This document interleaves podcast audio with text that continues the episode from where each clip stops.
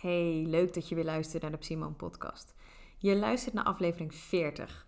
En in deze aflevering staat deel 3 van het interview met Brun centraal.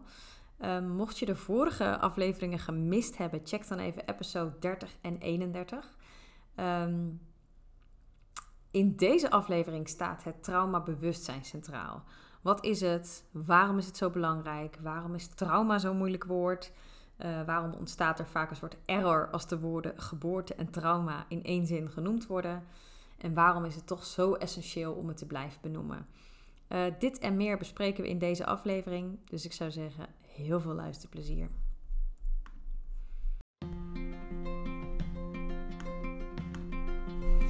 Hi, welkom bij de Simone Podcast. Mijn naam is Simone Scherpenzeel en ik ben psycholoog en geboortetraumatherapeut. Met mijn bedrijf Simone help ik moeders herstellen van traumatische gebeurtenissen ehm, voor of tijdens de zwangerschap, de geboorte of de periode daarna. En coach ik hen ook in de preventie hiervan. Daarnaast ben ik opleider bij Zo Beval ik, waar ik samen met Brun Kuipers, degene die mij ook heeft opgeleid in de wereld van geboortetrauma, eh, vrouwen opleid tot geboortetrauma preventiecoach. En wat eigenlijk de rode draad is in al het werk wat ik doe, is die diepere emotionele laag en de ontwikkeling van bewustzijn bij vrouwen. En dat is ook precies wat ik met deze podcast wil bereiken. Ik hoop jou weer een stukje aan te zetten in je eigen bewustzijn. En dat doe ik heel graag door middel van het delen van mijn eigen persoonlijke bewustzijnsreis. Wat ik ook heel erg doe op mijn Instagram-account. Ehm, en door middel van het delen van meditaties, maar ook interviews met andere vrouwen uh, of collega's uit het werkveld. Ik wens je heel veel luisterplezier.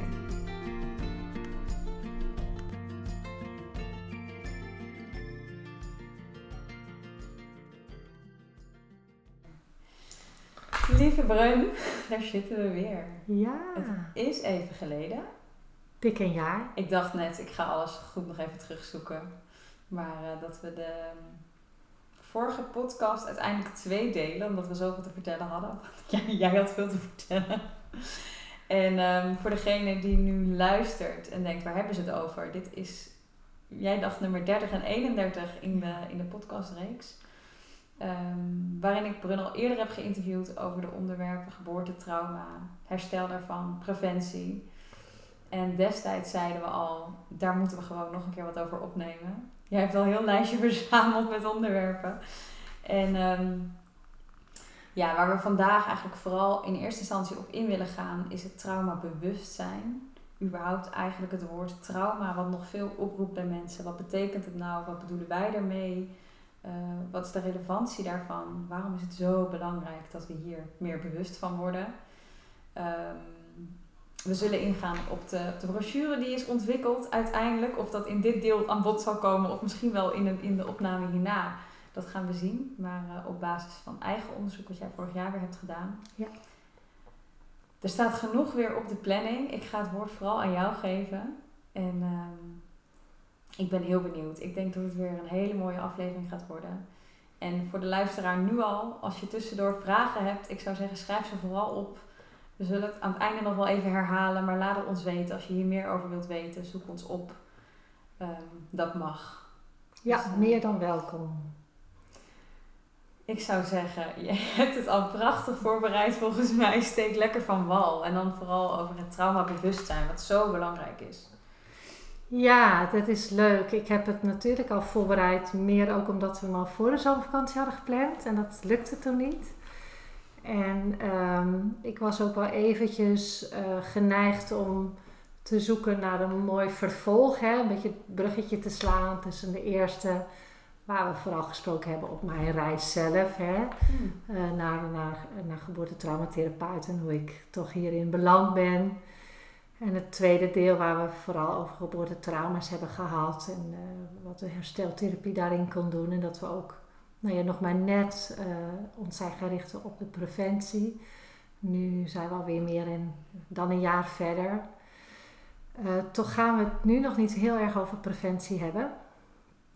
Omdat bij mij nog heel erg uh, het onderwerp traumabewustzijn speelt, wat nog wel wat meer aandacht mag hebben. er zijn denk ik een paar, paar, belangrijke redenen voor waarom dit nog zo bij mij leeft, om wat meer over te vertellen. Allereerst de moeders die op mijn pad komen, hè, die voelen, er klopt iets niet met wat er met me is gebeurd of hoe ik me voel. En zelf ook al vaak wel het, het woord geboortetrauma of trauma gebruiken, maar totaal niet doorhebben wat er eigenlijk precies aan de hand is. Nou, ik denk dat dat mooi is om wat meer over te gaan vertellen. En ook anderzijds denk ik, wat wij natuurlijk in, in de opleiding die we geven, maar ook van moeders zelf, dat het woord trauma soms ook juist een moeilijk woord is. Ja. En waarom het juist zo belangrijk is om hem wel te gebruiken. Ja, ja, zeker. Daarom is het misschien wel goed om het woord ook wel even uit te pakken. Mm wat je daaronder verstaat en hoe het zich relateert tot andere trauma's misschien. Dus dat is zeker heel mooi. Dus een beetje vanuit nou, het contact met moeders ehm, dat dit mooi is. En daar sluit ook wel mijn wetenschappelijk onderzoek uh, bij aan, wat we vorig jaar hebben gedaan. Dus daar is wel wat kennis uit uh, gekomen die, uh, die dit wat kan helpen leren begrijpen.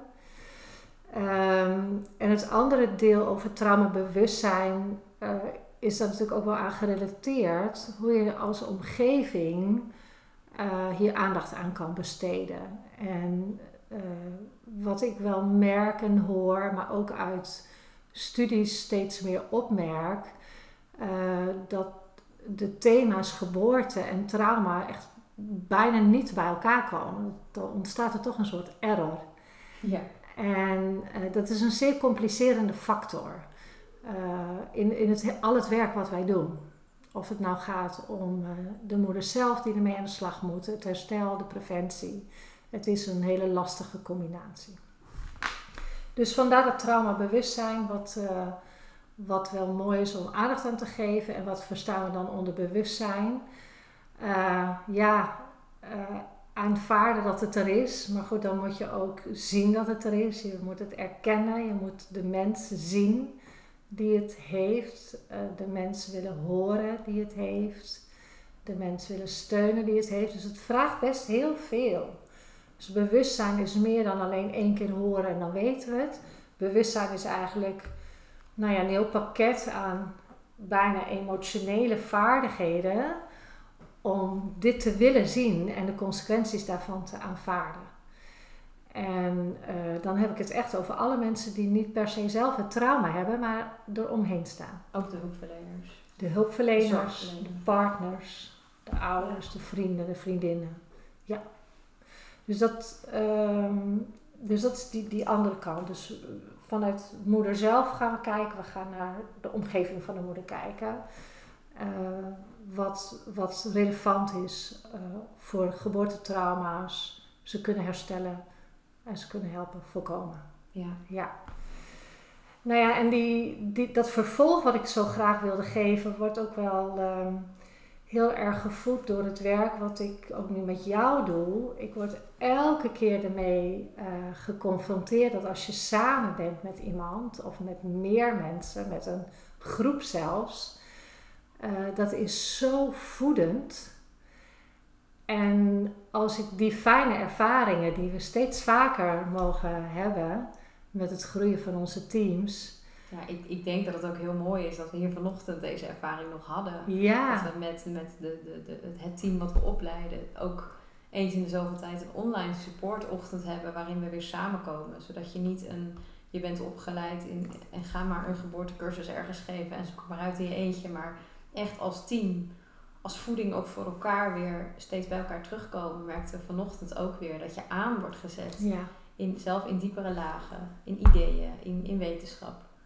Ja, soms eh, ook bevestigend, kan soms heel eenvoudig zijn.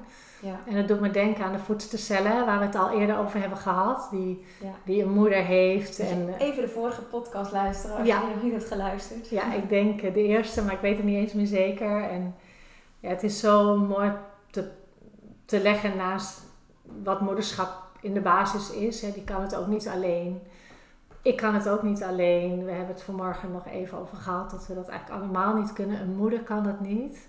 Misschien is het wel mooi om even aan te halen hoe het werkt. Met die, heel kort, wat we bedoelen met die voedselcellen. Dat als je nu luistert en je denkt echt, waar hebben ze het over? Want het is zo'n mooi voorbeeld. Ja, ja het, is, het is die oorspronkelijke aanleg, uh, nog voordat een vrouw geboren wordt, dat ze met veel meer potentiële eicellen geboren wordt dan dat er ooit vrij zullen komen. En tegen die tijd dat ze vruchtbaar wordt, dan trekken zich heel veel potentiële eicellen terug als voedstercel om de allerbeste eicel vrij te laten komen. En die voedstercellen zijn al heel veel dagen actief. Ik weet even niet meer uit mijn hoofd hoeveel, maar het staat allemaal heel mooi in mijn boek, zo beval ik. um, om die voedstercel al te helpen delen, nog voordat ze een zaadcel accepteert. En die voedstercellen is ook nog daarna uh, zijn ze actief om nou ja, de, dat toekomstige kind uh, de voeding te geven die nodig is voor de eerste ontwikkeling. Nou ja, dat is dus gewoon een hele groep cellen die je, die je steunt. Ja, fantastisch. In alles wat je nodig hebt. Ja, dat is zo'n mooie metafoor. Nou ja, wij, wij hebben elkaar gevonden als voedselcel. Uh, wij werken samen met groepen vrouwen. Zo willen wij ook allemaal met moeders gaan samenwerken. En uh, nou dat wilde ik nog wel heel even benadrukken. Dat ik steeds gevoed word door de contacten die ik met jullie allemaal heb en met de moeders heb die uh, bij mij in de praktijk komen. En ook, ook dit onderwerp, eigenlijk, zij agenderen dit eigenlijk. Dus het is ook niet dat ik dit allemaal zelf maar bedenk, dat zou niet eens lukken. Het zijn de vrouwen om ons heen uh, die mij daarbij helpen. Dus dat vind ik wel heel mooi. Ja, en dan is het wel leuk. We hebben het net al even gehad over bewustzijn, wat het is. Hè. Dat is eigenlijk uh, een, ja, een hele actieve houding. Ja. Uh, actief met alles wat je in je hebt. Uh, maar zo is het ook wel goed om nog eens even te kijken wat een trauma nu is. Ja, want misschien is het wel mooi. Vanochtend hadden we het met de groep ook over de uitspraak dat het, het, het risico op een geboortetrauma voor iedere vrouw even groot is, ongeacht waar je vandaan komt. Ja. Fysiek, lichamelijk, uh, geestelijk. Ja. En toen was het wel even van, hè, hoe dan? Ja. Want dat is misschien wel een heel mooi uitgangspunt, want dat bewustzijn is er denk ik ook nog niet volledig. Nee, dat is wel mooi, want het gaat vooraf aan, uh, aan het krijgen van een geboortetrauma of het weten te voorkomen. Ja. Dus dat, dat is denk ik wel een mooie start. Kijk, um, ik weet van de allereerste theorieën die ik bestudeerde van Hardy dat elke moeder wordt volgeprogrammeerd om, nou ja, het, het komende kind een grote overlevingskans te kunnen geven. Dus het hele lichaam van de moeder is gemaakt voor het leven. Uh, alles draait erin mee. En een van die aspecten is, en dat komt mooi terug op waar we het net al over hadden. Zij uh, moet haar omgeving, de mensen om haar heen, uh, de betrokkenen in haar leven, moet ze vertrouwen. Zij moet haar lichaam en haar moederschap aan hen toevertrouwen, omdat ze niet alleen moeder kan zijn. Dat is zo diep geworteld in het moederlijke systeem dat ieder die zich bemoeit met haar leven en haar zwangerschap en haar bevalling, die zal zij volledig vertrouwen. Anders kan ze niet functioneren. Ja, biologisch is dat zo bepaald. Biologisch is dat zo gericht. Het is, dat zijn ook hele onderbewuste processen. En dat is heel goed. Zo zijn wij zo ver gekomen op de aarde met zoveel bewoners. Maar het lastige nu is, als je iedereen blind vertrouwt dat hij het goede met jou voor heeft, neig je er ook niet naar om kritisch te kijken of het echt in je voordeel zal zijn. Ja.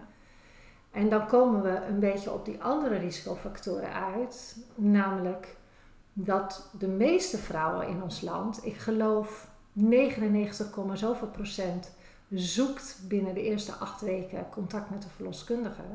En anders met andere zorgverleners, dus bijna iedereen. Ja. Um, en uh, heeft die verloskundige of andere zorgverleners uit onze geboortezorg als direct betrokkenen. En vertrouwt die blind. Ja. En dat is in de basis prima. Alleen um, meer en meer zien we dat zorg toch gepaard gaat met schade.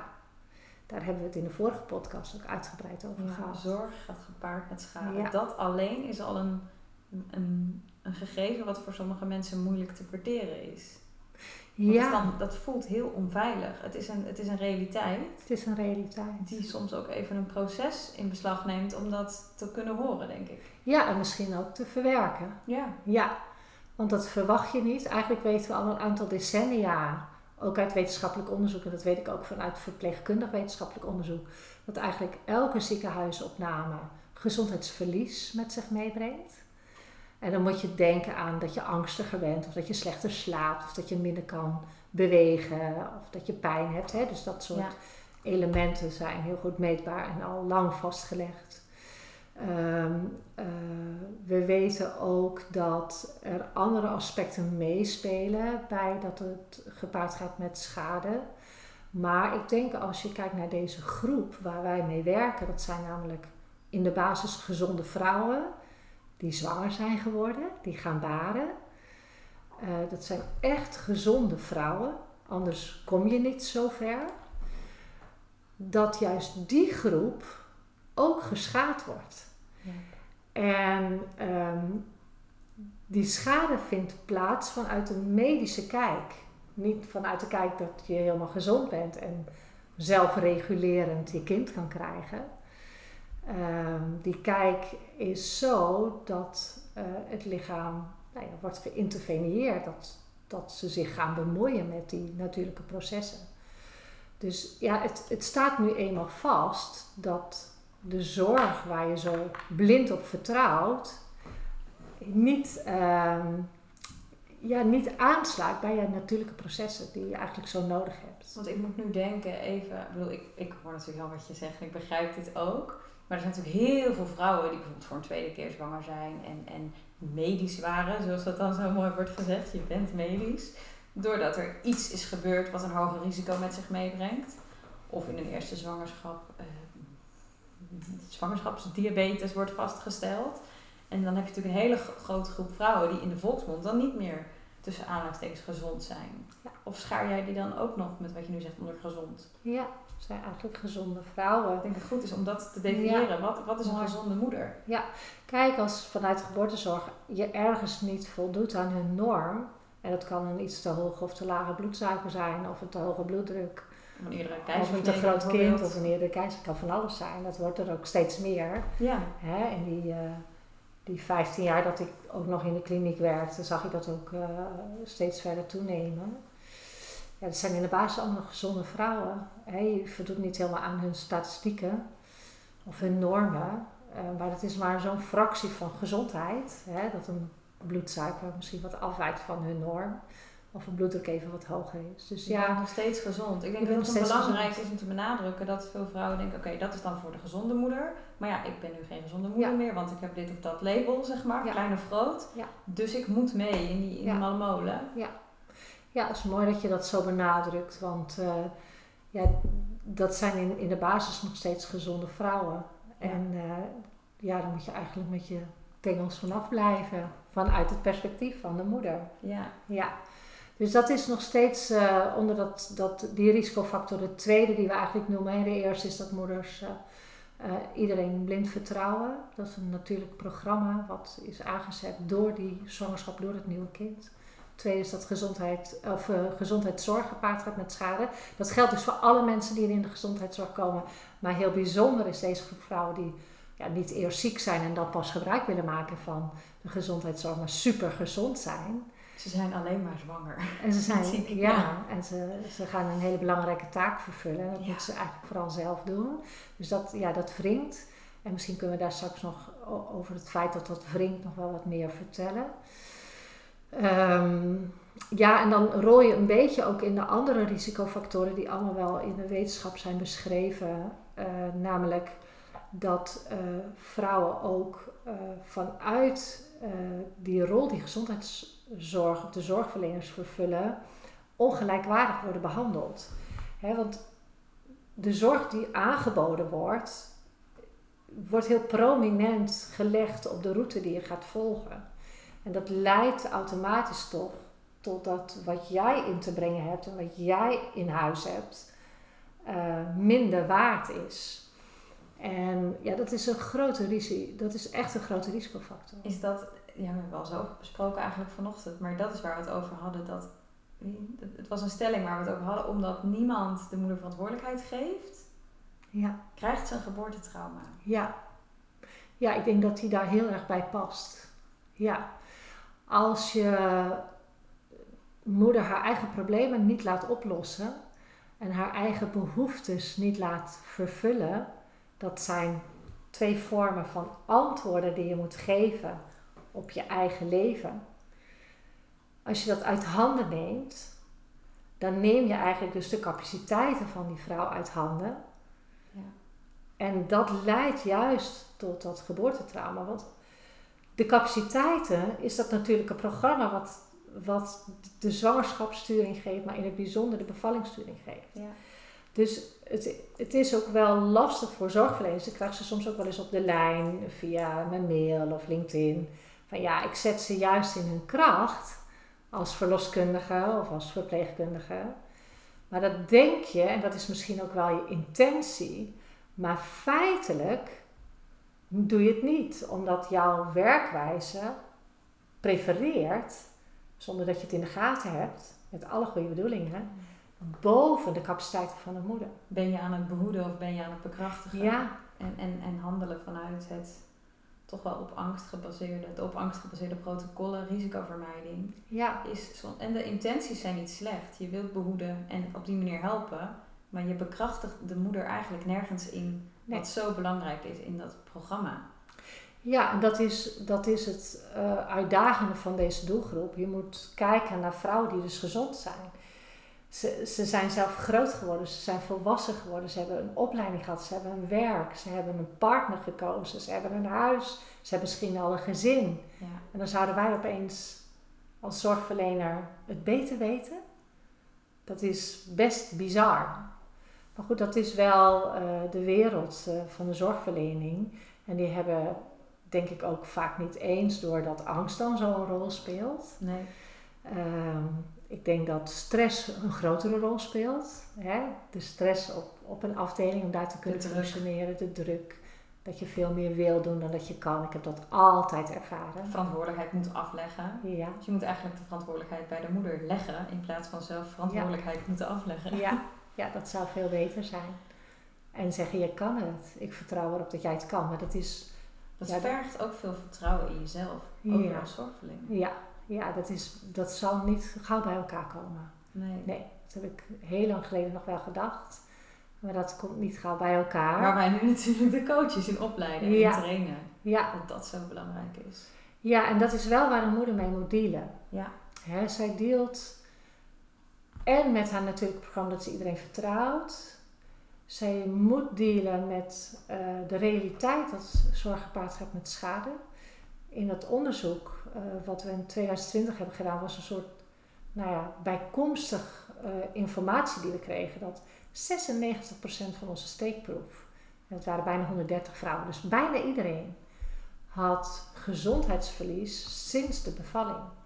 En dat gezondheidsverlies hebben we met een trauma meetinstrument gemeten. Dus het was ook nog psychische gezondheidsverlies. Ja. Ja? 96%, daar schrokken we heel erg van, had ik nooit verwacht. Wij konden ook nergens in de literatuur adequate cijfers vinden. Uiteindelijk hebben we wel iets gevonden, is ook alweer een paar jaar oud. En dit is natuurlijk ook niet per se repressief voor iedereen en over de hele wereld. Maar het geeft wel een indruk hoeveel dat is. Ja, is heel Ja. veel. 96%. Dus eh, dat, dat geeft eh, wel een beetje een link naar deze risicofactoren. Het gaat gepaard met schade, hè, gezondheidsverlies sinds je bevalling. En eh, wat daar aan ten eh, oorsprong ligt, is die ongelijkheid. Ja. En het is wel bijzonder, want een van onze teamleden vertelde net dat zij ook verteld heeft over haar werk in ons team hè, als traumapreventiecoach. En ook, zij is ook opgeleid om geboortetrauma's te behandelen. En dat we collega's. Werkzaam in een ziekenhuis. Zij werkt nog in een ziekenhuis en haar collega's vertellen: ja, maar wij moeten informatie geven. Ja, dat fenomeen, dat je informatie moet geven, Ja. allemaal begrijpelijk, allemaal via de wetgeving wel aangestuurd. Maar de manier waarop het gebeurt is zo prominent. En nou ja, sluit eigenlijk elke vorm van inbreng van de moeder af. Ja, en als je nu denkt, hè, maar informatie is toch heel erg helpend, dan zou ik zeggen, luister even naar de eerste twee podcasts. Ja. Daar gaan we er volgens mij uitgebreid op in, hè, waarom informatie geven Ja, het werkbrein aanspreekt in plaats van het moederbrein. ja Het zeker. brein. Zeker. En dan kom je eigenlijk al een beetje in de, in de, in de vierde. Hè, dat, dat de moeder zelf ook niet weet hoe belangrijk haar inbreng is. Als, dat, als je daar niet toe uitgenodigd wordt, eh, als niet wordt gevraagd van, goh, hoe zou jij het willen? Dat is wat ik vaak terug hoor van vrouwen. Goh, dat jij dat aan me vraagt, er is nog nooit iemand die dat aan mij heeft gevraagd. Nee, wat is belangrijk voor jou? Ja, hoe zou jij het willen? Dus dat, eh, de inbreng van de moeder is zo cruciaal. Ja, de inbreng is cruciaal voor haar hele leven. Je moet zelf beslissen of je gaat eten, of je gaat slapen, of je je kind voedt, of je nee zegt, of je naar buiten gaat of binnen blijft. Hoe je gezien wil worden. Ja, dat gaat zo ver en dan opeens is je inbreng niet meer van belang als je bevalt. Ja, dat is super van belang. En dat is ook waar wij graag eh, mee met moeders in contact komen. Ga toch eens na waar je inbreng allemaal van belang is en geef het hier, juist hier niet uit handen. Iets levens, letterlijk levensbelangrijk. Ja. Als een geboorte van een kind Ja, en de geboorte van een moeder. ja, ja. Dus het belang zelf te bevallen, eh, dat is zo groot. Al je cellen, al je systemen, al je organen, je hele brein Ja. moet die transformatie doorgaan. En ook daar hebben we het al uitgebreid Ja. over gehad. Dus, en dan komen we nog een beetje bij de laatste eh, risicofactor. Dat eh, het bespreken van alternatieven is gewoon heel moeilijk. Vrouwen hebben vaak wel alternatieven. Zeker de nou, wat actievere vrouwen. En om dat te bespreken is heel moeilijk. En ja, dat is ook wel eh, waar wij in ons werk, zeker bij de traumapreventie, eh, heel veel aandacht aan besteden. Hoe maak je nou je wensen en de alternatieve vormen die je graag wilt toepassen kenbaar? Want wat, wat is er zo moeilijk? Wat maakt het zo moeilijk? Ja, ik denk de risicofactoren die we net hebben besproken. Ja, er is zo'n overtuiging van zorgverleners dat wat hun doen en de manier waarop hun werken de juiste manier is. En, en ook dus eh, bij vrouwen zelf het, het, het besef dat je verantwoordelijkheid mag en kan nemen. Het is natuurlijk altijd een wisselwerking ook van beide. Dat je zelf ook echt voelt.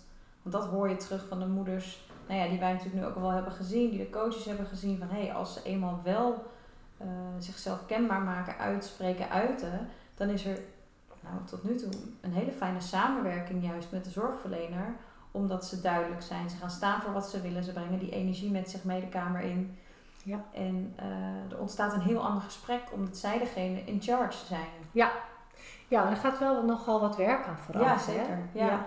Dus dat is wel mooi dat je dat pinpoint. Eh, ik wijs dan toch even weer naar de risicofactor, maar zeker moeders ehm, en wij misschien allemaal wel, zijn een beetje vergeten om vanuit ons gevoelsleven en onze verlangens ehm, eh, daar uiting aan te geven. Misschien zelfs wel moeite hebben om die te kennen. Ja. Dus ja, dat vraagt wel aandacht en tijd en werk en eh, ermee bezig zijn. Ja, Dus ik- die- als je hem omdraait, zeg maar, als je gaat zitten wachten tot je de verantwoordelijkheid krijgt, die krijg je nauwelijks. klopt. Je moet het je zult hem zelf. zelf moeten pakken Ja. en dan is die ruimte er echt wel. Dus, maar dat vergt gewoon echt een ontwikkeling. Ja. Nou ja, die in het zo bevallig proces natuurlijk heel erg centraal Ja. staat. Nou, het is wel bijzonder, want ik kreeg eh, vorige week, denk ik, een, een mevrouw op de lijn die is net zwanger. Die was wat geweest rondkijken naar zorgverleners waar zij graag mee eh, wilde gaan werken nu ze zwanger is. En zij vertelde dat ze allemaal vol zaten of dat er geen plek meer was voor haar. Eh, wellicht ook eh, mede veroorzaakt door eh, nou, toch een soort babyboom op dit moment. Ik weet niet precies de cijfers, maar we horen wel in het nieuws dat er veel meer vrouwen zwanger zijn. En meer kinderen worden geboren dan voor de tijd van corona. Maar goed, zij trof dat aan en ze was verbaasd en wat in de war erover. Eh, maar ze wist ook mij te vinden. En ze zei, ja, dan, dan moet ik het nu zelf maar doen. Ik zei, ja, wauw, is het eigenlijk niet een cadeau? Ja. Want je moet het ook zelf doen. Uiteindelijk moet je zelf bevallen. Met de mensen om je heen die je zelf hebt gekozen, waar je zelf de veiligheid ervaart. ja. En dat wa- was zo'n leuke, leuke eye-opener voor haar, maar ook voor mij. Van ja, nou ja, soms heb je dat dus zelfs nodig Ja, om aangezet te worden. Maar dat is, dat is een hele moeilijke dynamiek. ja, Ehm, ik denk dat, dat onze maatschappij niet erg bevorderlijk is om zelf verantwoordelijkheid te nemen. Ehm, en nou ja, dat we iets moeten verzinnen, nou, daar gaat ons hele werk over, om dat wel te gaan doen. En eh, dan vind ik het nog wel leuk in dit licht eh, nog toe te voegen. Kijk, deze risicofactoren zijn duidelijk. Wij zien ze bij alle vrouwen met geboortetrauma. Kun je ze bijna altijd allemaal aanvinken. Ehm, maar over die verantwoordelijkheid gesproken. Het wordt denk ik afgenomen van een moeder. Maar als ze het ziekenhuis uitstapt of in ieder geval de geboortezorg verlaat. En dat is heel snel tegenwoordig. Meestal al na een week. ja. Ja, er is heel veel voor de bevalling. Ja, heel veel geouwe hoer voor de Dan bevalling. je ineens maar daarna. Ook allemaal verantwoordelijkheid afnemen. Ik Ja. bepaal of het goed gaat met je baby en ik beoordeel dat op de echo. Ja, Hè? Even een simpel voorbeeld. Of ik bepaal of het goed gaat. Ik beoordeel dat met jouw bloed ja, of je bloeddruk. ja. Dus die verantwoordelijkheid. Maar als de moeder dan losgelaten wordt, dan is alle verantwoordelijkheid weer voor haar. ja. Waar ze niet in is Niemand die nog naar de oefenen. Ja, en niemand, he- niemand heeft nog oog voor haar. Ja. En dat is eh, de hele trieste kant hiervan. Eh, nou ja, waar ik nu al jaren tegenaan kijk en, en steeds meer vrouwen waarvan jij ook meekijken. Eh, dit is een hele trieste uitkomst. En dat En- zie je dus ook terug in de cijfers van het, van het laatste onderzoek. Ja, ja, ja dat, dat gezondheidsverlies. Ja. ja. Ja, dus dat is eh, ja, ontzettend veel reden om hier bewuster eh, van te worden met elkaar. En misschien wel in het bijzonder vrouwen die moeder worden, eh, nou ja, aanzetten om er werk van te maken. Echt zelf werk te maken van haar transformatie Ja. en haar gezondheid om die te behouden. Dat vraagt echt aandacht. En 150 jaar geleden niet, maar nu wel. En ehm, ja, ik denk ook wel bewustzijn naar nou ja, allerlei mensen die ermee bezig willen zijn zoals wij. En die moeders willen gaan bijstaan. Hierin, ja, in een, in een parallelle eh, wereld van begeleiding en steun. Ja. Dus dit is, eh, dit is een beetje nou ja, de, de risicofactoren hè, waar jij naar vroeg. Ik heb vaak het vermoeden dat ik ze al wel eens eerder opgelepeld heb, maar we zijn er nu weer eens even lekker doorheen geakkerd. Eh, ook wel fijn om het nog eens, eh, nog eens vast te stellen. En ze zijn heel relevant. Als je het hebt over preventie, neem je eigenlijk risicofactoren weg. Ja. Hè, dus dan, dan zie je misschien wel even in een soort eh, kort idee wat de zobevallen coaches doen. Die gaan helpen de vrouwen deze risicofactoren weg te nemen. En, eh, maar goed, als vrouwen dan toch een trauma hebben en dit voorwerk niet hebben kunnen doen, ja, dan is het wel fijn om nog eens te kijken, wat is dat dan precies? Hè? Hoe kan je toch in hemelsnaam tijdens de bevalling een geboortetrauma krijgen? Of misschien ook wel tijdens je zwangerschap of daarna. Ja. En soms is het ook een soort stapeling van negatieve ervaringen die maken dat een moeder nou ja, zich daarna niet goed voelt of niet herstelt of echt traumaklachten heeft. Ja. ja, want we stelden net natuurlijk dat het in feite niet uitmaakt wat je voorgeschiedenis is, dat, dat het risico op geboortetrauma even groot is. Ik kan me ook voorstellen dat de luisteraar nu denkt, ehm, ja, maar het heeft toch wel degelijk effect hoe gezond jij bent, ook, ook mentaal, psychisch, weet je, van tevoren, eh, met of je daarna klachten hebt. Ik denk dat dat een verschil is. Een geboortetrauma oplopen en vervolgens daar ook klachten aan overhouden. Ja, er zijn wel eh, een paar interessante eh, factoren van invloed op de reactie op een trauma. Ja, Eh, deels in het algemeen, deels in het bijzonder op een geboortetrauma. De eerste is de dosis-trauma. Dus hoe meer je trauma's hebt gehad, eh, ja, dit- en, en je bent altijd maar doorgaan, dan- ga je een keer de omvallen. veerkracht is een keer op. Ja, Ja, en dat zien wij ook wel heel duidelijk terug bij vrouwen die vanaf de zwangerschap al nare ervaring hebben gehad en ook een moeilijke bevalling hebben gehad en ook nog daarna nou, bijvoorbeeld heel veel bloedverlies hebben gehad of de borstvoeding kwam niet op gang wat voor hun een hele grote wens was.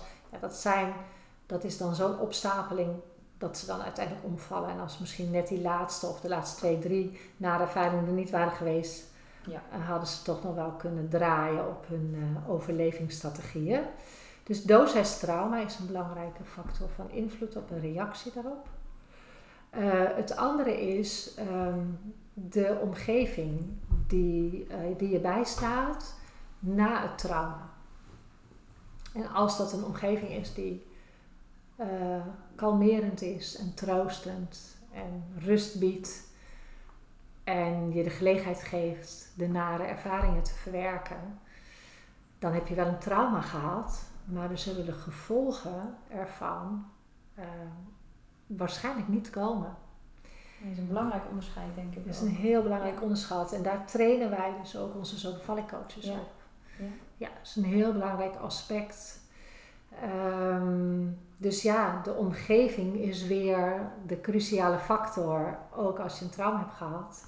En in dat licht blijft het natuurlijk wel heel bijzonder dat uh, pas de alarmbellen gaan rinkelen in de reguliere zorg als iemand een postnatale depressie heeft of een, een, misschien zelfs al een psychose, een acute psychose of uiteindelijk een PTSS krijgt. Ja, dan, dan moet er dus heel veel overheen gaan, veel tijd. Ik weet niet precies wat de reguliere zorg aan tijd neemt, maar de verpleegkundige houdt drie maanden aan uh, tussen het trauma en, en de klachten. Dus dan is er drie maanden verloren gegaan ja. aan het verwerken van de negatieve ervaringen. En dan doe je dus helemaal niks. En uiteindelijk heeft iemand PTSS. Ja. En uh, nou ga je alsnog behandelen. Fijn dat er dan alsnog behandeling mogelijk is. Nou, in het bijzonder met de hersteltherapie. Ja. Een hele fijne, zacht en vriendelijke en super effectieve behandeling. Uh, ik zie ook wel dat de EMDR nog steeds heel erg gepromoot wordt, ook in geboortezorgland. Wordt nog steeds vaak aangeraden als de ja, is ook wel echt, ja, is ook wel een richtlijn, hè? Dus het is een beetje, uh, het, het, is een vast onderdeel.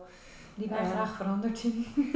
ja, wij zien het graag veranderd in de zin, je mag kiezen, hè? Als je dan zo graag informatie geeft volgens de wetgeving, dan zou je ook informatie moeten geven over de opties die er zijn. Ja. En uh, al lang is bekend bij heel veel geboortezorgverleners dat de hersteltherapie er is, al sinds 2016.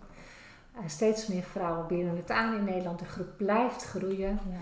Uh, dus ja, de hersteltherapie is super effectief. Vaak ben je na één of twee herstelgesprekken al genezen en hersteld. En nou ja, nog steeds al jaren zie ik dat 80% van onze cliënten, die dus alsnog een hersteltherapie vragen, uh, EMDR heeft gehad. Ja, ja, ik zie het ook veel. Ook hierin gaan we in de voorgaande podcast verder, zijn we op ingegaan. Ja, ja. En ik denk als je nu luistert en je denkt, wat is dat? Dan zou ik vooral even op uh, de geboortespecialist.nl kijken. Ja. Over, over het herstelgesprek en, en, en, het wetenschappelijk onderzoek wat daar ook aan gekoppeld is. Want het is gewoon wetenschappelijk bewezen ook. Ja. Het is niet zomaar uit de lucht komen vallen. Nee, nee precies. Nee. En beschreven in je boek Zo beval ik. Ja. Ja, dus dat zijn een beetje de elementen hè, van hoe, hoe zit het nou met die vrouwen? Ja. En dan is het zeker zo, vrouwen die voordat ze moeder werden uh, trauma's hebben gehad in hun leven, ja, die hebben natuurlijk wel kans dat ze meer moeite hebben adequaat te reageren op een geboortetrauma. Of een verhoogde kans dat ze in een omgeving leven waar er nou ja, niet de troost en, en de steun is die ze nodig hebben. Maar uh, ik zie toch wel, uh, ja, vooral gezonde vrouwen, een beetje onafhankelijk van hun voorgeschiedenis. Van vaak horen wij dat niet eens en hoeft dat ook helemaal niet. Uh, die wel dat geboortetrauma krijgen. En dat, dat maakt het geboortetrauma wel een, hele bijzonder, een heel bijzonder fenomeen.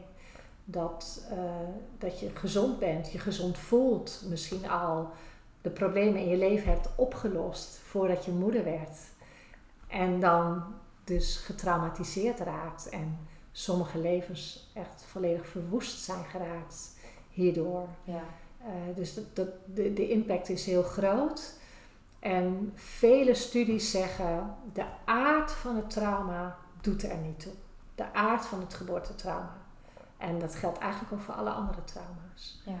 Dus ehm, een trauma is een trauma voor degene die dat een trauma vindt. Ja. Los van wat de omgeving zegt. Ja. Om het cliché maar even te noemen. Ja, wat nou, veel op papier was het een prima bevalling of je kind is gezond. We Ja. kennen het allemaal. Ja, ja. Nou ja, dat, het is, dit is een mooi bruggetje. Hè? We, we wilden er naar kijken, naar trauma bij de moeder. Maar je komt al eigenlijk een beetje op die omgeving. Naar de moeder gaan we dan zo nog. Eh, ja, dit is, dit is een beetje de omgeving waarvoor het ook moeilijk te begrijpen is. eh, dat een geboortetrauma überhaupt kan plaatsvinden, maar dat je daar dan zoveel last van kan hebben. Ja, het bewustzijn in de omgeving. Ja, ja, ja, ja. ja, ja. Want die zien eigenlijk meestal een, eh, een gezonde moeder. Eh, Het is en een beetje moe. Ze is een beetje moe, maar ze wandelt rond en ze zet een kopje koffie en ze zorgt voor haar kind. En de baby is meestal prachtig en ook meestal onwaarschijnlijk gezond. Sommige moeders weten ook wel dat het veel huilt of het onrustig is of dat ze de binding met de baby als minder positief ervaart. Maar goed, de omgeving beoordeelt dat als goed en gezond. Het hoort erbij. En het hoort er ook bij, ja. Ja. Dus dat is, dat is een heel ingewikkeld aspect. Zeggen we dus eh, sarcastisch, hè? Voor degene Ja, ja, ja. oplet. Ja, ja de het, hoort, omgeving het hoeft er niet bij te horen. Het hoort erbij, maar het hoort er niet bij. Het is, eh, het is, het is heel belemmerend om hulp te zoeken. En dan rol je al in de negatieve gevoelens van schuld en schaamte. Dus dat die omgeving ehm, ja, daarin ook wel normerend is. Ik zeg het maar ook even hard. Zoals de moeder al steeds genormeerd is. Hè? In haar hele zwangerschap en tijdens haar bevalling. Hè? Ja. De, de weeën waren te snel of te langzaam, het kind is te groot of te klein, eh, het vruchtwater is te veel of te weinig. Al die normen zijn al bij haar langs geweest. En nou ook de norm weer van de omgeving, zonder dat hij het slecht bedoelt en vaak ook niet beter weet. Maar dus voor de moeder, zeker met een trauma, eh, ja, helpt allerminst om nou ja, je, je eigen signalen te onderzoeken en, en uiteindelijk dus hulp te zoeken. Ja. En dat zagen we ook in die studie uit 2020 terug, dat maar een klein percentage hulp heeft gezocht. Ik weet even de getallen niet uit mijn hoofd, maar de brochure ligt wel naast mij. Eh, helemaal één mooi op De klaar. zes, één op de zes vroeg om hulp. Ja, 1 op de 6. ja. Dus dat is veel te weinig. En ehm, ja, dat, dat is ingewikkeld. Wat ik ook nog wel ingewikkeld vind als we naar die omgeving kijken, dat ook de zorgverleners het niet erkennen. En het ook niet herkennen. En niet herkennen. Nee, die hebben, die, die hebben geen idee. Ik krijg regelmatig cliënten van verloskundige praktijk hier uit de omgeving. En het signaal wat zij oppikten, eh, ja, angst voor de volgende bevalling. Ja. Dus ze zijn wel weer zwanger geworden, komen weer bij de verloskundige praktijk. En, Wat fijn is dat dat wordt gezien en dat het doorverwezen wordt. Want Ja. misschien is die nuance wel goed ook. Weet je, ook als je zorgverlener bent en luistert. Wij scheren het nu natuurlijk even zwart-wit over één kam. Er zijn natuurlijk zorgverleners die juist soms wel helpende dingen doen of het wel herkennen. Ja. Maar dit is juist omdat we het echt even ook, nou ja, de risicofactoren onder de aandacht willen brengen. En daarom het even zeggen, zorgverleners herkennen het niet of erkennen het niet. Ik- Het is misschien wel goed om even te benadrukken. Nee, dat doe je heel goed. En we hebben het eigenlijk eh, nu over de reactie van de omgeving na trauma. Ja, Eh, wellicht ook een vorm van risicofactor, maar niet een risicofactor op een trauma. Eh, maar goed, zorgverleners zien heel veel vrouwen, zeker verpleegkundigen, verloskundigen, gynaecologen, ja. die een trauma hebben gehad en dat dus eigenlijk Niet bijna nooit zien of herkennen. En ehm, als ik deze vrouwen dan aan het behandelen ben, dan, dan is de ernst van hun trauma zo enorm. Eh, ze hebben zo lang niet in de gaten gehad eh, wat er speelde, zelf ook niet. Maar ook zeker niet door hun omgeving. En in het hersteltraject merk je dan ook wel, oh, maar ik heb best wel een paar keer geprobeerd uiting te geven dat ik hulp nodig had, maar dat is ook niet opgepikt. Ja. Juist ook bij zorgverleners. Vaak al heel snel na die bevalling met het trauma. Dus dat, dat, is, eh, ja, dat is wel heel lastig. En ik weet nog goed dat ik eh, in 2017, 18 echt goed ging kijken wat deze moeders nu zeggen over wat nou een trauma voor hen is. Een geboortetrauma. En ehm, een van de belangrijkste kenmerken is dat je, als je de moeders vraagt, goh, wat voel je nu als je eraan terugdenkt? Dat het gepaard gaat met negatieve gevoelens. Ja, dat is natuurlijk de meest eenvoudige vraag die je kunt stellen aan elke moeder. Ja. En uh, wat een indicatie is dat ze een trauma heeft. En dat, nou ja, dat, dat moeten we nog verder gaan verspreiden blijkbaar, want deze vraag wordt niet gesteld. En uh, ja, het blijkt dat deze vrouwen dus al een paar jaar en soms veel langer met geboortetrauma rondlopen waar niemand iets mee heeft gedaan en dus niemand bewust van was. Wat, dus, wat ook te maken heeft natuurlijk met uh, uh, de relatie met de zorgverlener, dat de zorgverlener in kwestie soms ook, even hard gezegd, de dader was. Dat, uh, dat je als zorgverlener misschien dingen hebt gedaan waarvan je in het moment al merkte, hé, hey, dit werkte niet, maar dat het daardoor voor de zorgverlener zelf lastig is om naar te vragen, maar ook voor de moeder die de relatie in stand wil houden, ja. Uh, het moeilijker uitspreekt. Dus ja. wat ja. niet de enige factor is, maar wat natuurlijk ook, ook een, een, een lastige ja, jij vraagt uh, daarnet waarom, hè? Waarom het zo lastig is om je uit te spreken. Ja. Ja, ja. maar ik, en waarom het dus zo lastig is ook voor zorgverleners. Dat ze het niet oppakken. Ja. En dit hebben we vaker besproken. Ik had er nu even niet meer aan gedacht. Maar dit is natuurlijk een belangrijke verklaring. Een grote glimlach op haar gezicht. Oh ja. ja, en we hebben het al eerder een keer genoemd. ik heb het al eerder een keer genoemd. Maar dit is natuurlijk een belangrijke verklaring. Judith Herman, een hele belangrijke psychotraumatherapeut die nou, jaren, 20, 30 jaar wetenschappelijk onderzoek heeft gedaan. Uh, die legt dit ook heel mooi uit. Dat dat aspect slachtoffer-dader wat heel spannend is om op dit terrein te noemen. Ja. En ik het toch doe, al langer en nu weer, en jij eigenlijk ook. Ja, dat is een heel ingewikkeld fenomeen hier, omdat uh, bij eigenlijk alle andere trauma's is de dader ja, soms een familielid hè? Ja. of een gezinslid. Uh, maar zeker niet de hulpverlener waar je 100% op vertrouwde dat hij je niet schade. Ja. Maar het is ook vaak echt een crimineel of een misdadiger of iemand die foute dingen wilde. Dus dat kan je brein nog enigszins. Ja, echt met een, met een verkeerde intentie. Ja, met echt een verkeerde intentie. Neem niet echt dat ook die trauma's heel ernstig zijn.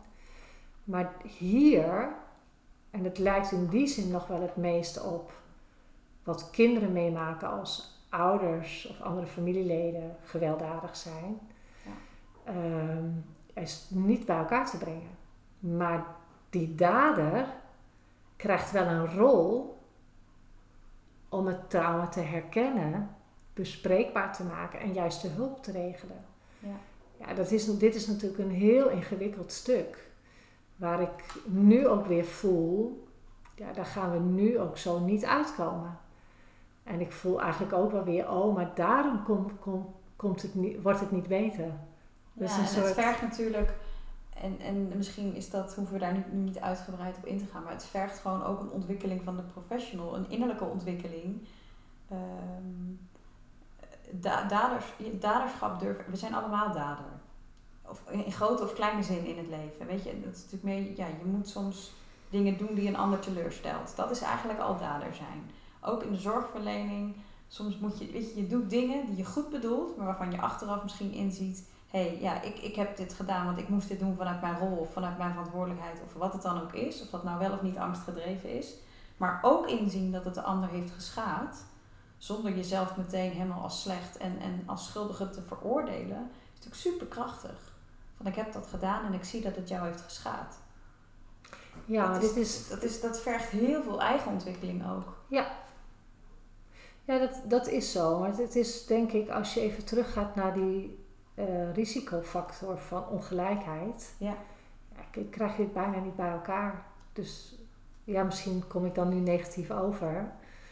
Um, nee, ik denk, dat, dat, het een hele moeilijke... onder ogen zien is ook, ook, ook, een belangrijke factor waar we het ook altijd over hebben. Daar gaat dit om. Bewustzijn is ook realiteit onder ogen zien. En dus belangrijk dat die moeder misschien ook voor zichzelf een andere plek creëert waar ze het wel deelt. Ja, nou dat is ook wel iets wat mij heel erg in mijn werk voedt um, de, de zorg, wat veel aan met schade gepaard kan gaan, is een gegeven. En dat gegeven, dat willen wij uh, onder ogen zien. En dat willen wij ook onder ogen zien in contact met de moeders. En dat ze zelf zich daarop gaan verhouden. Ja. Ja, dus dat is denk ik uh, vooralsnog de beste optie. En dan leg je uiteindelijk de verantwoordelijkheid dus ook terug bij de moeder zelf. Ja. En niet bij de zorgverlener die misschien met alle goede intenties haar ontzettend heeft geschaad. Klopt. En dat is denk ik wel mooi, want zo houdt ieder ook gewoon, weet je, ja, dan kan een chirurg ook doen wat hij moet doen. Ja. Want dan kan de moeder haar eigen van, ze kan, kan zich uitspreken naar hem, maar vervolgens bij een ander ook de hulp zoeken in het herstel daarvan. Klopt. En niet bij die persoon zelf. Klopt. Ja, ja ik denk dat daar de kracht ligt en uh, vooralsnog uh, hebben we de dingen ook op poten gezet nu in, in de traumapreventiecoaching, maar ook in het herstel, dat de moeder het zelf gaat doen. Ja. Ze gaat zelf het voorkomen, ze gaat zelf herstellen, ze gaat zelf ver verantwoordelijkheid nemen voor haar leven en haar gezondheid. Ja, en dan verander je eigenlijk, weet je, het, het slachtofferschap in jezelf herken je en je stapt in je daadkracht Ja. door, uh, ja, Ja, ook de, wat je hebt meegemaakt, en dat kunnen dus ook trauma's zijn, om die om te buigen naar wijsheid. ja, Hè, dat, dat doet me denken aan die mooie documentaire van Gabo Maté, eh, Trauma Wisdom. ja, Eh, prachtig om te zien, dat gaat niet zozeer over geboorte, maar wel over dit fenomeen. Dat eh, wat je hebt meegemaakt je ook heel veel kan opleveren als je ook die realiteit weer onder ogen kan zien. ja. Maar het vraagt wel heel veel hulp. En we kijken nog steeds naar een groep gezonde vrouwen die op een moment dat ze de mooiste ervaring van hun leven gaan meemaken, een trauma kunnen krijgen. Ja, dat is nog steeds eh, iets wat, eh, wat heel ingewikkeld is. En waar wij ook met deze podcast proberen weer wat licht op te schijnen. ja. Ja, En het is ook niet gek als je nu luistert, of je nou moeder bent of, of, of zorgverlener of allebei, of allebei nog niet, maar dat je die, en daar nodigen we eigenlijk ook altijd om de moeders en ook de coaches toe uit, van voel eens in je eigen lichaam wat het met je doet. Hier kan je kan met je hoofd merken dat er allerlei gedachten zijn van, oh, die ben ik het zo mee eens, of oh, die ben ik het helemaal niet mee eens. Maar ja, sta nu ook eens stil bij, wat merk ik eigenlijk in mijn eigen lichaam op? Wat doet het met me over dit onderwerp te spreken? Of het nou ja, heel dichtbij je staat of iets verder weg. Dat is zo waardevol. Ja, en dan kom je ook wel een beetje op eh, de werkwijze die wij zo zijn gaan omarmen. Kun je openstaan voor wat er gebeurt, ook in jezelf en in je lichaam.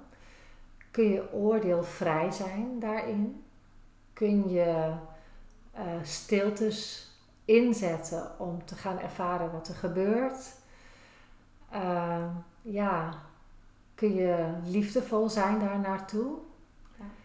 En misschien ook wel in verbinding komen met stukken van jezelf die je nog niet kende. En als ik dit dan nu zo opleven, is dat eigenlijk ook hoe ik het ervaren heb om met moeders te werken. Zonder dat ik ook nog maar iets van hen wist. Mijn eigen kennis. Ja, ja, al 25, 30 jaar in ontwikkeling toen. Ja, daar bleef niets van over toen ik met hun ging spreken. En dan moet ik toch even weer denken aan de informatie die alle zorgverleners zo graag willen delen. Je hebt geen idee welke informatie de moeder met jou zou willen delen. Ja. Dus ja, het, het is zo prachtig Ja. om je eigen know-how te gaan parkeren. En eerst eens te weten wat die moeder allemaal Ja, de- de- wijsheid met zich De, de meedraagt. wetenschap met een hoofdletter W van de moeder Ja. voorop te stellen. Ja, ja dat, is, dat is voor mij misschien wel de mooiste ervaring die ik heb eh, meegemaakt. Toen ik al wetenschapper was, heb ik dit allemaal mogen ervaren. Dat klinkt misschien wel heel paradoxaal. Ehm, en dat is denk ik ook wel waar moeders in aangemoedigd mogen worden. Dan komt die inbreng weer langs. Ik hoef niet te weten wat jij allemaal weet. Ik wil graag delen wat ik te weten ben gekomen nu ik weer moeder word. Ja. En eh, nou, dat is denk ik ook wel een belangrijke uitnodiging eh, die, eh, die wij meenemen in ons werk. En, en misschien zelfs moeders nog een stap verder eh, brengen. Daar hebben we het vanmorgen ook even over gehad. Hoe wil je gezien worden als moeder? Ja. Hoe wil je dat ze jou zien? Ja. En hoe wil je straks dat je kind je ziet en je partner? Dat zijn veel fundamentelere vragen om mee aan de slag te gaan dan te horen dat jij voldoet aan de criteria om ingeleid te worden. Net als al die. Hoeveel risico het met zich brengt om nog even te wachten. Ja, Ja. Als een moeder dat wil weten, vraagt ze het zelf wel. Ja. Als het relevant is voor haar Ja. en, en die baby. Ja. Ja. Ja. Dus dat is, dat is heel interessant eh, eh, om, om naar te kijken. En ook, hè, jij roept eigenlijk net ook even de luisteraars op van goh, tune eens in bij jezelf wat er gebeurt als je nu luistert naar de dingen die wij zeggen. Eh, soms misschien best precair of spannend. Maar dit is ook wel eh, een hele mooie manier om daarop te leren reageren. Open-minded, zonder oordeel. Met steeds die parallel eh, naar die moeder toe. En dat is ook wetenschap. Zowel, weet je, dat, natuurlijk van wetenschap bijna een soort van heilig, heilig iets gemaakt. En jij noemde het net al paradoxaal, omdat wij eh, natuurlijk zorgbevallige opleiding, maar ook al jouw werk, het is allemaal op wetenschap gebaseerd. En tegelijkertijd, wanneer we met een moeder aan het werk zijn, die wetenschap is in onze rugzak.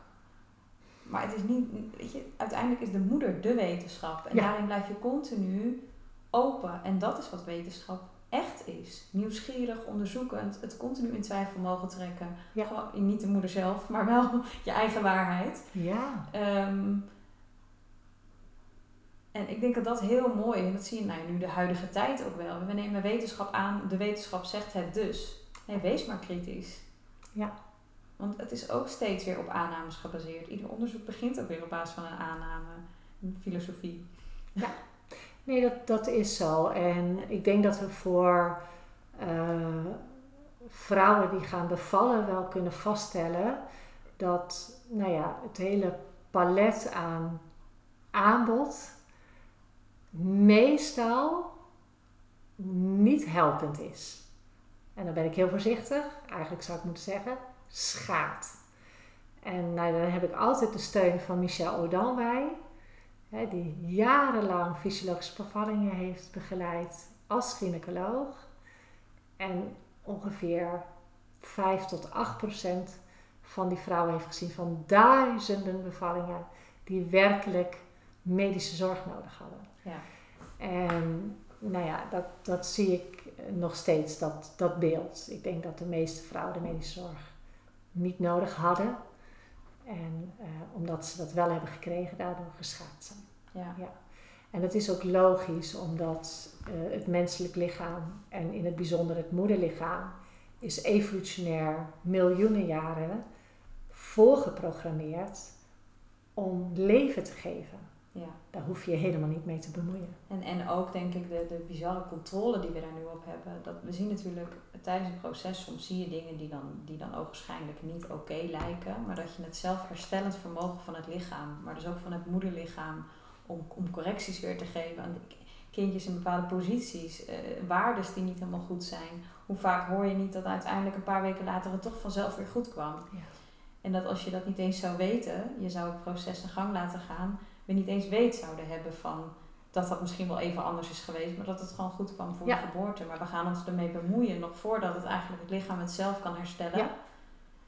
Ja. Ja, dat, er zit, maar daar is vertrouwen voor nodig. Ja, En dat, eh, mogen we, dat, dat, dat, dat hangt denk ik aan het traumabewustzijn. Ja. Dat, ja, dat, dat mag weer ontwikkeld worden. ja, vertrouwen, vertrouwen in de capaciteiten van moeder zelf, van hun eigen capaciteiten, van de omgeving in haar. Laat die, laten we die informatie vooral met elkaar delen, Ja. want dat is helpend. Ja. ja, en dan kom je een beetje op die moeder uit. Hè? Wat speelt zich daar nou af dat zo'n trauma zo precair is? Ja. En eh, ja, heel even beginnen bij het begin, denk ik weer, dat de moeder de omgevingsfactor is. Ja. Hè, de omgeving is zo bepalend. Dat is voor ieder mens. Als je ouders er niet waren, was je niet volwassen geworden, had je niet de ontwikkeling doorgemaakt. Eh, als je niet naar school was geweest, had je niet een beroep kunnen leren. Dus de omgeving is per definitie bepalend. Maar dat geldt natuurlijk in het bijzonder weer voor een moeder voor haar kind. En een moeder die afhankelijk is van de omgeving om op een natuurlijke manier te bevallen.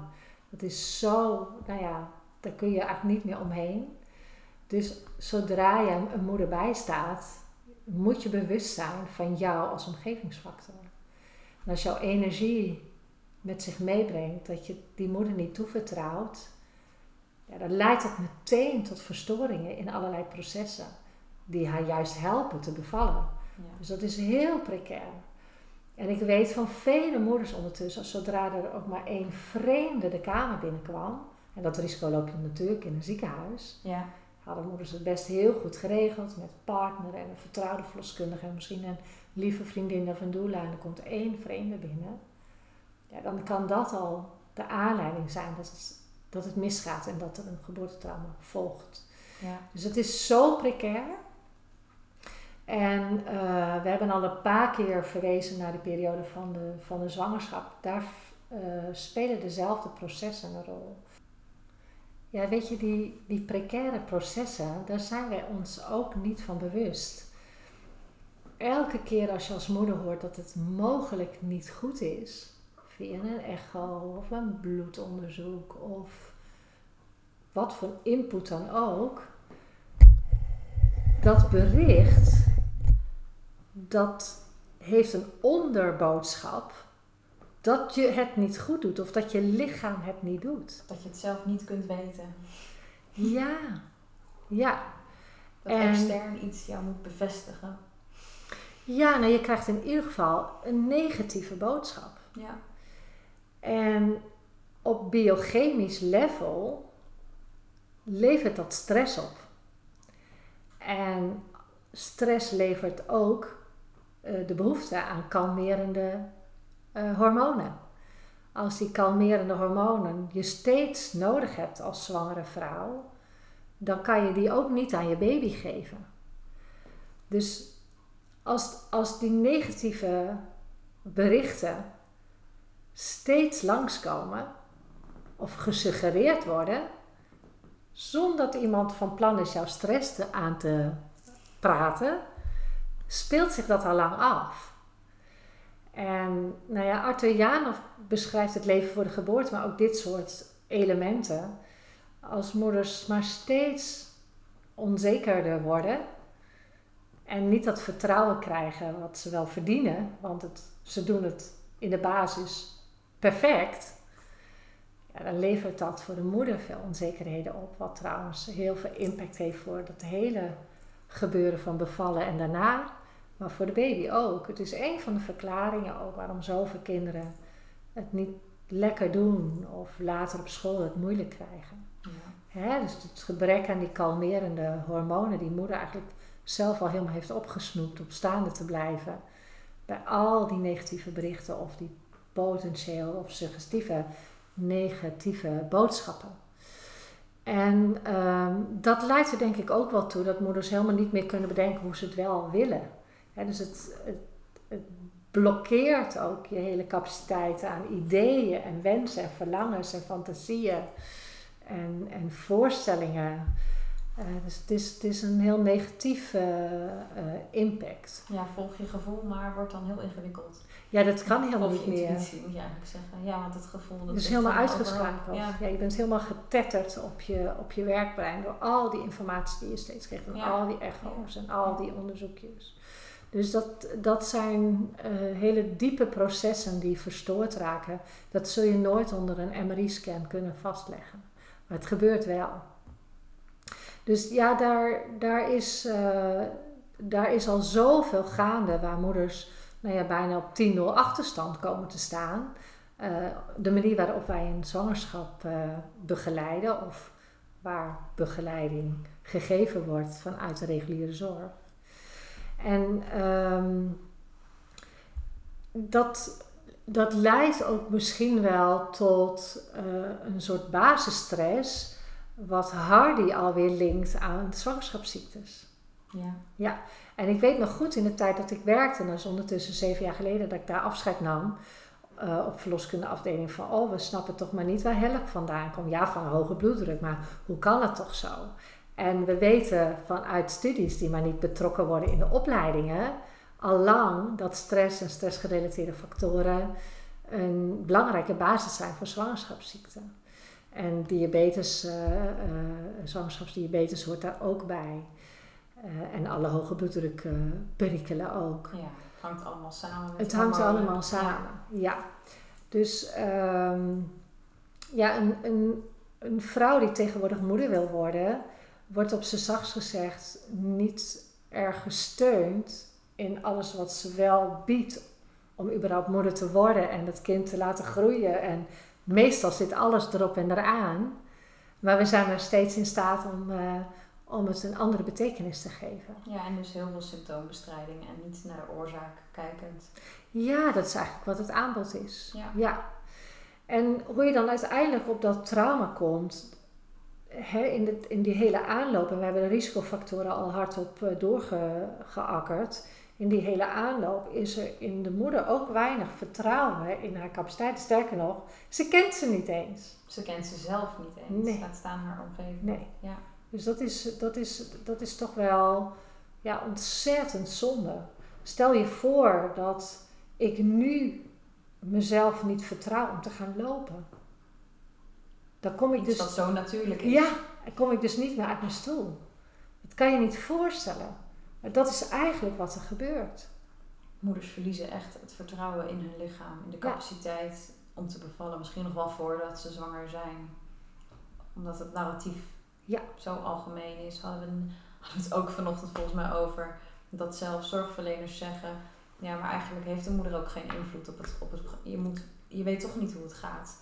Dat ja. wordt natuurlijk zo vaak ergens misschien ook wel goed bedoeld gezegd. Joh, geef, bedenk het maar niet te veel. Want ja, we hebben al zo vaak gezien dat het anders gaat dan dat de moeder wil. ja, het Nee, is de bedoeling. De moeder behoeden voor een negatieve ervaring, maar tegelijkertijd creëer je daarmee eigenlijk het platform voor een negatieve Ja. ervaring. Ja, het is echt heel moeilijk om het helder te willen zien. Het is echt, als je het zo dan weer beschrijft, ook ingewikkeld. Ja, het is een once you see it, you see it. Ja, ja. Eh, maar dat, ja, dat, dat is heel lastig. Hè? Volgens mij werd er gezegd: het is niet de bedoeling dat de moeder veel invloed heeft. En terwijl de, de basisbehoefte van om te kunnen leven is invloed uitoefenen. Anders kunnen we niet eens leven. Dus dat, dat, dat komt niet samen. Nee. Nee.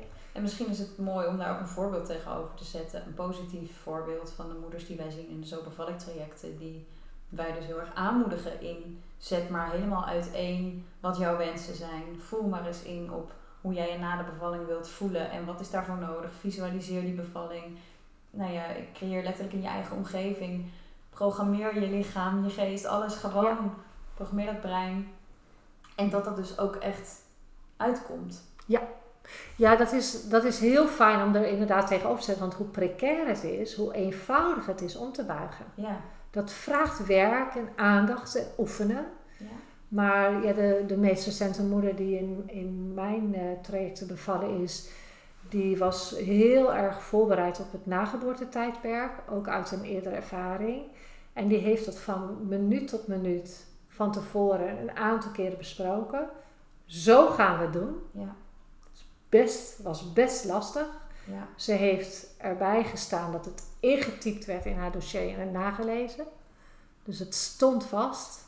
Daar, iedereen kon het weten. Maar goed, op, op het moment dat het zover was, stond er iemand aan haar bed die had het niet gelezen.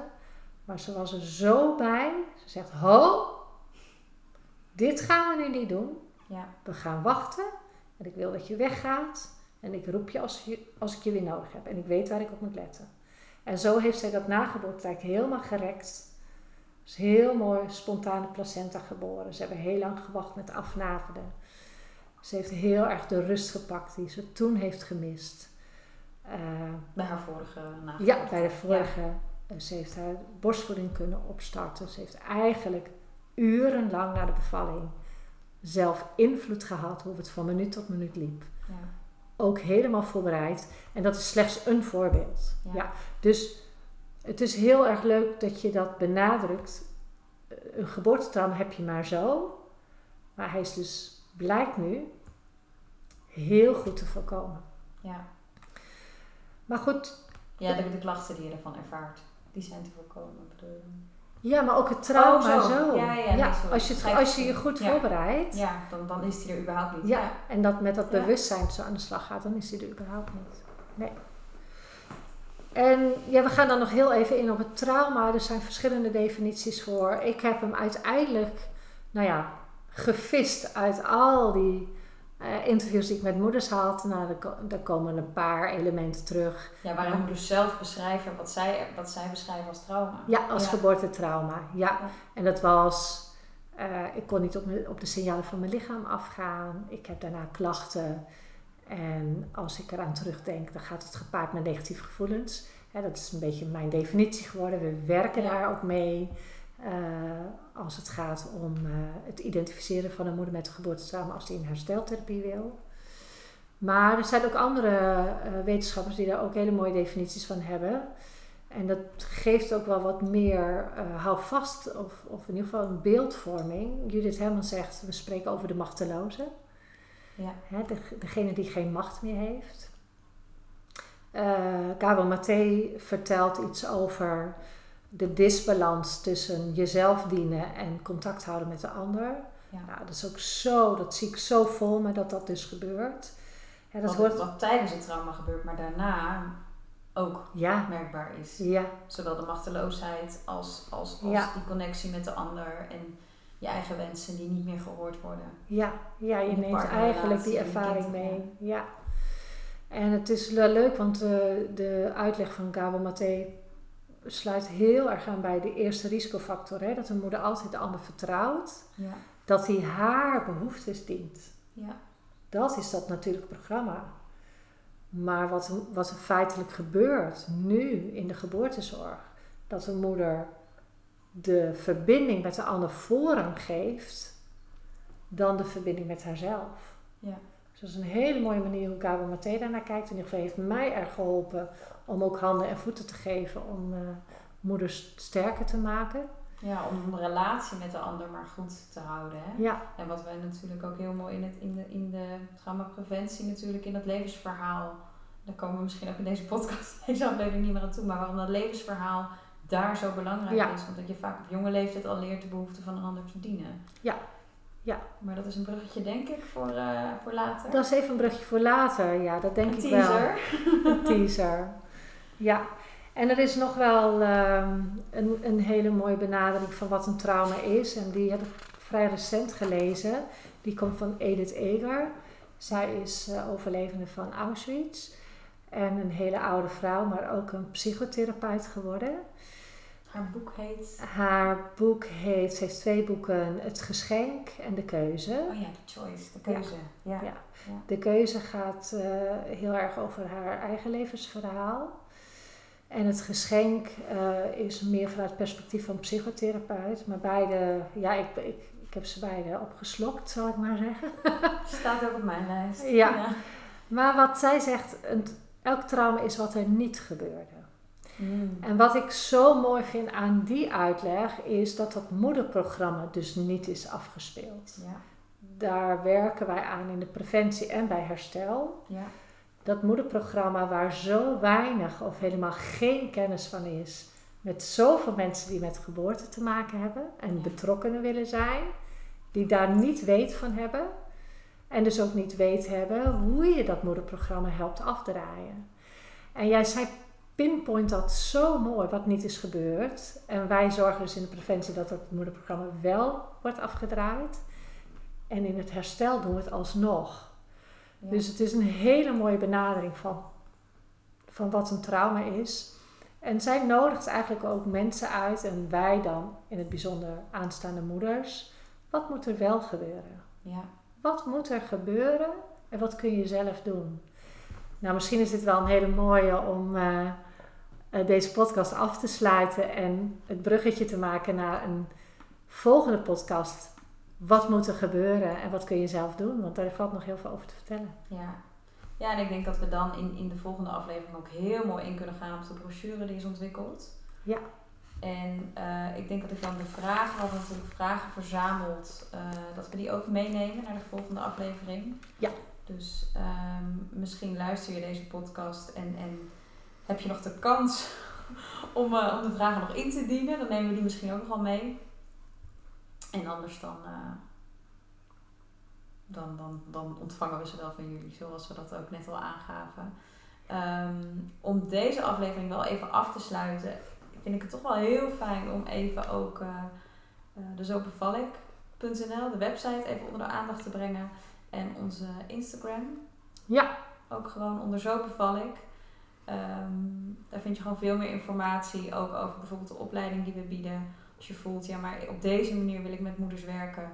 Ehm, ja, zoek ons op. We zijn heel makkelijk bereikbaar. En eh, wie weet zien we je wel in de opleiding. Die start iedere september, iedere januari. Zowel online als offline. We hebben al iemand uit België en uh, nu iemand uit Turkije ook in de groep. Dus laat dat ook geen, uh, geen begrenzing zijn. Ik wil jou hartelijk bedanken in ieder voor deze aflevering. Ja, jij ook. En ik kijk nu alweer uit naar de volgende. Fantastisch. Super bedankt Simone. Dankjewel. En natuurlijk uh, jij als luisteraar bedankt voor het luisteren. En tot de volgende keer.